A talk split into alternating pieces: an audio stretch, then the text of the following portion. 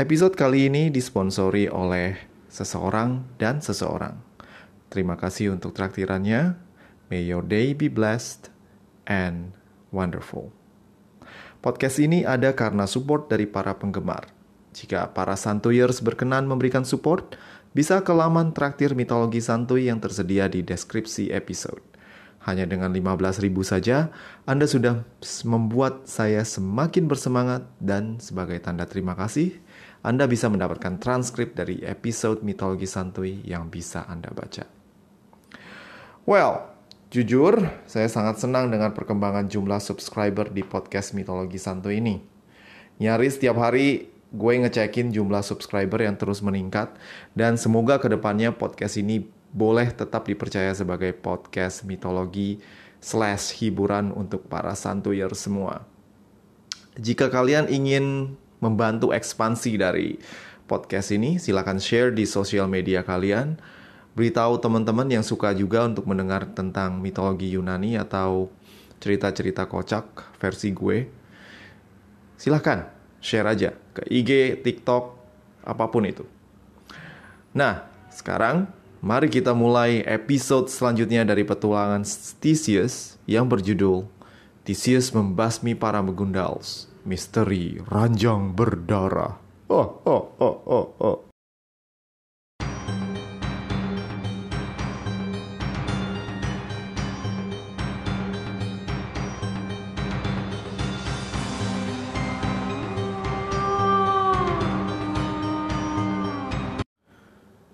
Jauh sebelum pandemi corona sialan ini melanda, gue tuh sering banget jalan-jalan ke luar negeri.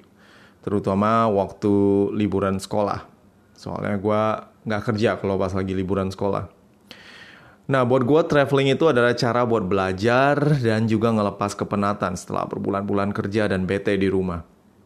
Sebelum gue pergi, gue tuh sering banget research tempat-tempat wisata yang bakal gue kunjungi.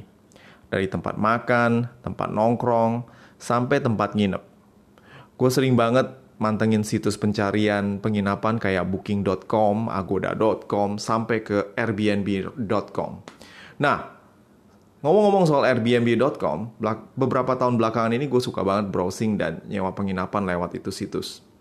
Buat kalian yang belum tahu, Airbnb itu situs yang menyediakan penginapan mandiri alias kita bisa nginep di kamar atau apartemen milik orang. Jadi misalnya ada orang ini yang rumahnya ada kamar kosong. Kita bisa nyewa kamar tersebut dan tinggal bersama sang pemilik rumah. Atau mungkin kalau dia nyewain satu apartemen, ya lu nggak usah tinggal dengan mereka. Tapi benar-benar itu apartemen bakal lu tinggalin sendiri. Harganya sih biasanya lebih murah dan biasanya buat orang yang suka pengalaman lokal, penginapan ala Airbnb ini beneran opsi yang asik. Kita bisa ngobrol sama pemilik rumah, dan ngerasain tinggal di satu tempat layaknya orang lokal tanpa ribet. Nah, gue sama istri itu pernah beberapa kali pakai Airbnb dan pengalaman gue yang paling-paling benar-benar berkesan itu ketika gue nginep di satu kota di Bosnia Herzegovina. Bode, namanya berat.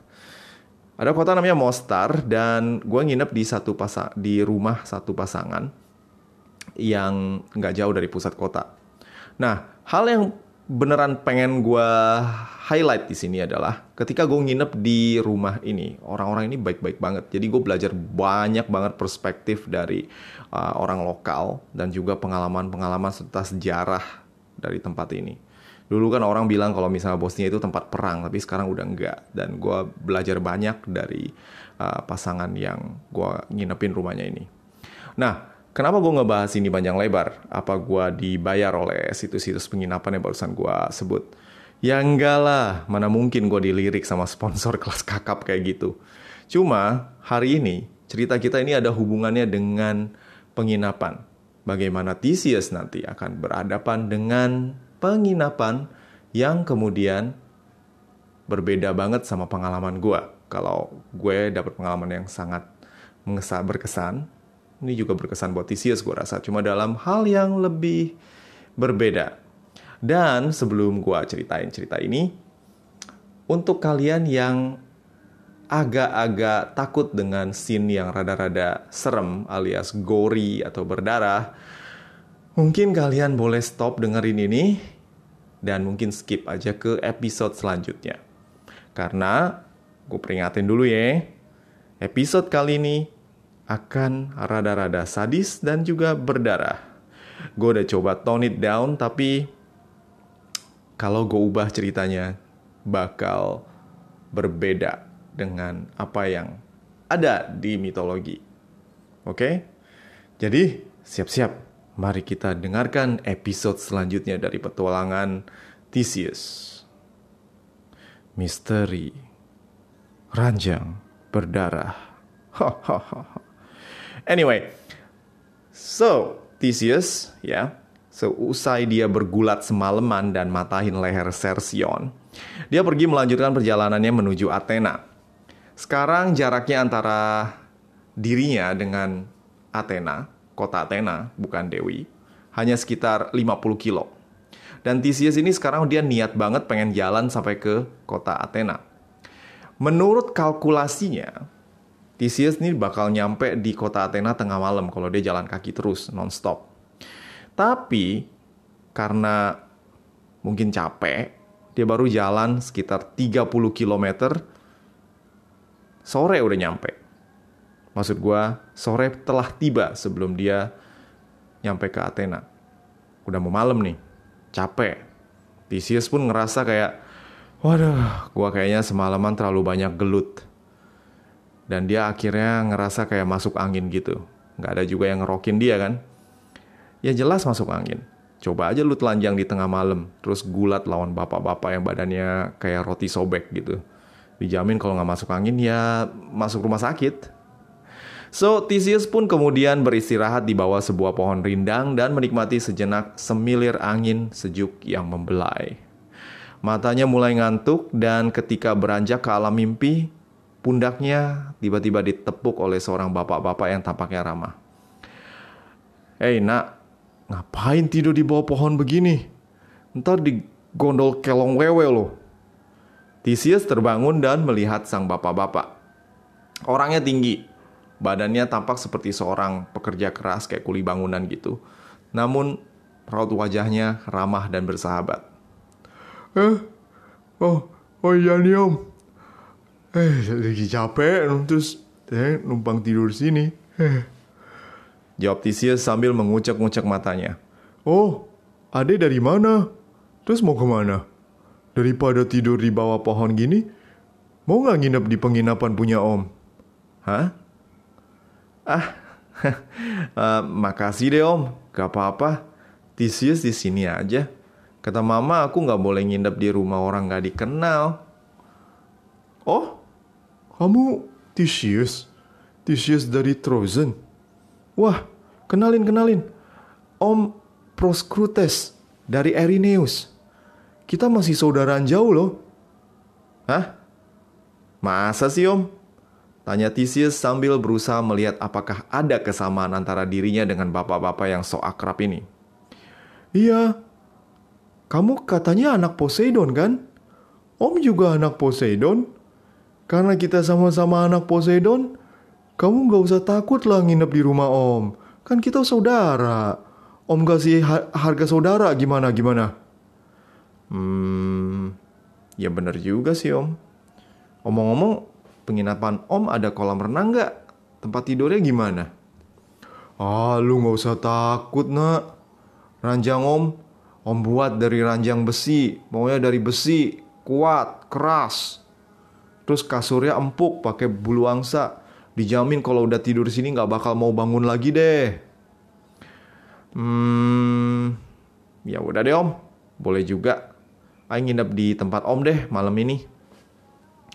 Theseus berjalan bersama Procrustes menuju rumahnya yang terletak di dasar lembah dekat Eleusis. Di sepanjang perjalanan, Procrustes menjelaskan tentang bagaimana bagusnya review penginapan miliknya dan tamu-tamu yang menginap begitu kerasan sampai tidak pengen pergi. Tentang keluarganya, tentang istrinya, sampai asal-usulnya yang masih turunan, masih turunan keluarga sang penguasa lautan tersebut. Tentu saja Theseus tidak langsung percaya tentang apa pun yang disampaikan oleh Procrustes. Ada yang aneh dengan bapak-bapak ini. Theseus seperti biasa selalu menggunakan poker face miliknya dan berpura-pura bego untuk menutupi kelicikan karakternya. Setelah berjalan selama 20 menitan, kedua putra Poseidon ini pun kemudian sampai di sebuah rumah. Tampaknya Procrustes tidak bohong ketika mengatakan kalau penginapannya nyaman dan membuat orang betah tinggal di sana. Theseus yang sudah lama menghabiskan waktu di jalan, tidur di kemah, atau penginapan sederhana, cukup puas melihat penginapan dua tingkat yang menghadap ke arah laut tersebut. Pemandangan indah terpampang di hadapan rumah. Banyak pohon rindang di sekitar penginapan membuat suasana begitu teduh. Tak jauh dari rumah Procrustes, terdapat sebuah aliran sungai yang mengalir ke sebuah kolam alami. Sayang, aku pulang. Hari ini kita kedatangan tamu nih. Namanya Theseus. Kata Proskrutes menyapa istrinya yang sedang membersihkan noda merah yang ada di meja makan mereka dengan kain dan daun mint. Oh, sudah pulang. Mari, mari nak. Istirahat dulu. Nanti tante siapkan makan malam ya. Istri Prokrustes tampak seperti ibu-ibu umur 50-an biasa. Namun apa yang tengah dia lakukan membuat Theseus curiga. Lirikan mata Theseus ke arah meja diketahui oleh sang tante yang langsung menjelaskan bahwa dia tadi menumpahkan jus cherry. Tentu saja Theseus pura-pura percaya dan mengiyakan apa saja yang dikatakan oleh sang tante. Padahal dirinya tahu, di musim ini tidak ada buah cherry yang bisa dipanen. Lagian, sekarang Theseus berada di rumah Procrustes dan istrinya. Sesuai dengan hukum Xenia atau hukum perlindungan terhadap tamu yang ditetapkan oleh Zeus sendiri, Theseus semestinya harus diperlakukan dengan baik oleh Procrustes. Melanggar hukum Xenia berarti melanggar titah sang penguasa semesta. Apakah Procrustes berani mengganggu Theseus? Eh, Om, ada tempat mandi nggak di sini? Ah, udah main lama nih nggak mandi, badan kayaknya bau ketek gini nih, asem lagi, keringetan lagi. Hah? Mandi? Ngapain? Ini udah malam loh. Gak takut merematik. Tapi kalau mau ya boleh juga sih. Tuh, coba tuh ke sungai di belakang rumah. Ucap Procrustes sambil keheranan melihat tamunya yang gemar mandi. For your information, mandi itu bukan kebiasaan rutin penduduk Eropa, termasuk orang-orang Yunani kuno. Melihat Theseus kepengen mandi apalagi di malam hari membuat mereka heran. Tamu yang lo bawa hari ini aneh, say. Masa jam segini mandi? Ngapain juga mandi? Apa dia nggak takut kesurupan demit air ya? Tanya istri Procrustes. Gak tahu juga dah. Mungkin dia orang Sparta kali. Setahu gue orang Sparta memang suka aneh-anehin diri. Ah, biarin aja lah dia mandi. By the way, kamar udah siapin. Bekas noda darah dari tamu kemarin udah lu cuci. Udah. Lu, lu juga sih nggak kasih tahu gue pas balik tadi. Si bocah kayaknya curiga tuh ngelihat lap gue penuh darah. Untung dia percaya aja pas gue bilang itu just cherry. Ah, lu tenang aja. Tuh bocah kayaknya gak geblek juga kok. Lu tenang aja lah. Walau dia katanya anak Poseidon, gue yakin kita bisa makan nih. Oh iya, dia juga banyak duitnya loh. Kita bisa bikin penginapan yang lebih gede lagi ntar. Setelah beberapa lama, Theseus pun kemudian kembali ke dalam penginapan. Proskrustes dan istrinya telah menyiapkan hidangan makanan rumahan serta beberapa kendi anggur. Dengan ramah, kedua suami istri tersebut menjamu Theseus dan terus menuangkan anggur merah ke dalam cangkirnya. Sementara keduanya tidak minum segelas anggur pun. Alasannya mereka harus berberes rumah usai makan malam. Theseus kemudian menikmati jamuan serta wine yang kemudian dihabiskannya tanpa curiga. Lalu Theseus tampak mabuk, mukanya memerah, langkahnya gontai, dan kemudian meminta Procrustes untuk membawanya ke kamar tidur. Tentu saja Procrustes telah menanti momen ini. Nah, di sini gue pengen berhenti sebentar dengan narasi cerita ini. Dan gue mau menjelaskan siapa sebenarnya dan asal-usul dari Procrustes. So, konon Procrustes ini adalah anak dari Poseidon dan Silea. Silea ini adalah putri seorang bangsawan yang bernama Korintus. Ya, Korintus, nama kota yang mungkin lu tahu kalau lu baca Bible. Nah, Procrustes adalah kakak lain bapak dari Sinis, Bugundal yang dibunuh oleh Theseus. You know, Sinis yang suka nyiksa orang pakai pohon itu.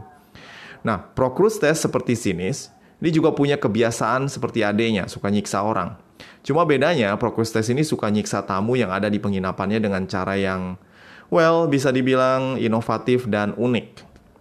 Nah, karena Procrustes ini latar belakangnya adalah tukang besi dan juga rampok, dia ini bikin satu ranjang yang dibuat dari besi dan punya satu mekanisme khusus.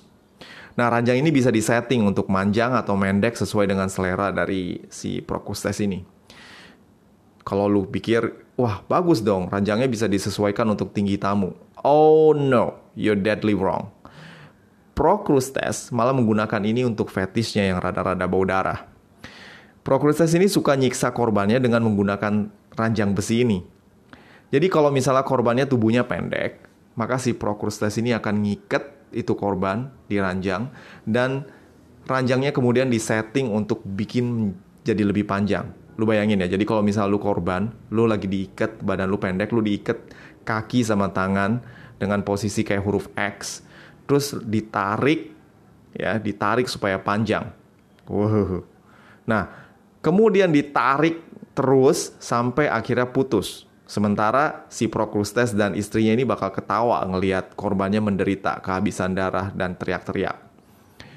Weird fetish right? Ya yeah, itulah kenapa gue peringatkan di beginning anyway Usai tamunya tewas karena kehabisan darah, mereka akan memutilasi korban dan menggunakan daging mereka sebagai hidangan untuk tamu dan juga mereka sendiri. So, mereka have a really weird fetish dan juga kanibal. Hmm, ya kayak episode Walking Dead gitu ya. Oh iya, gue lupa. Gimana kalau korban Procrustes ini badannya jangkung atau tinggi? Well, kalau jangkung, Procrustes akan ngiket korbannya dan kemudian untuk disesuaikan dengan ranjang, dia akan nebas kedua kakinya dari you know, kedua kaki korban dengan kapak sampai sesuai dengan panjang dari ranjang. Lalu sama seperti yang tadi yang gue ceritain, Procrustes dan istrinya akan duduk santai menyaksikan korbannya tewas kehabisan darah. Eh, serem. Nah, karena inilah Procrustes ini kemudian dijuluki Procrustes the Stretcher atau si pemelar. Asli, gua nggak bisa nyari bahasa Indonesia yang tepat buat julukan si begundal yang satu ini. Kalau lu keberatan dengan kata pemelar, ya udahlah lu ciptain sendiri. Sorry. Oke, okay, nah sekarang kita balik ke kamar di mana Theseus dibawa oleh Procrustes. Theseus tampak begitu teler dan ngomongnya pun udah kedengeran kayak bapak-bapak yang kelamaan kondangan. Eh, Om. Gue geletakin sini aja, Gom. Depan pintu aja nggak apa-apa, Om. Aduh. Yes, ngantuk, Om. Pengen tidur, Om. Sabar, nak. Bentar lagi juga nyampe ranjang. Om udah siapin nih ranjang besi multifungsi. Dijamin puas tidurnya. Kata Procrustes sambil menuntun Theseus menuju ranjang maut ciptaannya. Om, Om, kok ini ranjangnya ada gelang-gelang gini sih Om? Ini apaan sih? Kok ada kuncinya segala Om? Om suka main iket-iketan sama tante ya Om? Ih si Om. Apaan sih ini anak? Udah tidur sana. Procrustes meletakkan tubuh Theseus yang lunglai ke ranjang. Ah, kali ini korban gua lebih gampang. Kasih minum wine beberapa kendi teler dia. Sekarang tinggal gue iket and gue habisi dia. Sekalian balas dendam adek gue yang dibantai sama nih bocah. Procrustes selalu mengeraih tangan kanan Theseus dan berusaha untuk mengikatnya di gelang yang ada di sisi kanan ranjang. Namun tanpa diduganya, Theseus tiba-tiba tersadar dan langsung balik memiting tangan dari Procrustes. Dengan sekali serangan, Theseus berhasil membalikan posisi dari korban menjadi penyerang. Segera, Procrustes sang pemelar terjerambab ke ranjang dengan posisi muka di bantal. Dan Theseus yang tadinya dikira teler sekarang mengikat Procrustes di ranjang. Uh, oh ya Allah, lepaskan aku, lepas lepaskan. si Om bisa aja. Kirain Om dengan modal berapa kendi anggur aja bisa bikin gue teler. Ya elah Om, temen minum gue dulu tuh si Dionysius, dewa mabok. Nah, sekarang kita coba nih mainan bikinan Om nih ya. Hmm. Eh, eh, jangan nak, nak, nak, please jangan nak, nak. Kita, kita kan sama-sama anak Poseidon. Jangan, jangan gini juga dong mainannya nak. Hah? Kata siapa Om anak Poseidon? Jangan ngaku-ngaku lah. Mana mungkin anak Poseidon jadi rampok dengan fetis ranjang berdarah macam gini. Alah, pan sih? Hmm. Eh, Om, ini tuas buat apaan ya, Om? Eh, eh, jangan, jangan, jangan, jangan, jangan, jangan ditarik, jangan. Kata Procrustes memohon dengan sangat. Namun Theseus telah membulatkan tekadnya untuk membalas dendam para korban Procrustes. Jadi, pada saat Theseus pamitan untuk mandi, sang pangeran Trozen tidak pernah benar-benar pergi mandi. Theseus hanya pura-pura mandi, ya pura-pura pergi mandi dan lalu kembali ke penginapan Procrustes untuk menguping pembicaraan antara sang pemilik penginapan dengan istrinya tersebut. Dari sinilah Theseus mengetahui niat jahat dan modus jahat keduanya. Lagi pula rumor tentang penginapan yang memangsa korbannya memang pernah didengarnya kala di Trozen. Namun pada saat mendengar cerita ini, Theseus mengira kakeknya hanya berdongeng serem belaka tanpa diduganya dia akan berhadapan langsung dengan tokoh di dongeng dari kakeknya tersebut. Theseus selalu beranjak ke kolam dekat rumah untuk membasahi tubuhnya, sekedar untuk alibi agar pasangan durjana tersebut tidak curiga. Namun di sinilah Theseus menemukan hal yang lebih mengerikan. Ratusan tulang belulang dan tengkorak manusia di dasar kolam terungkap oleh terangnya sinar rembulan yang terus menerangi permukaan kolam.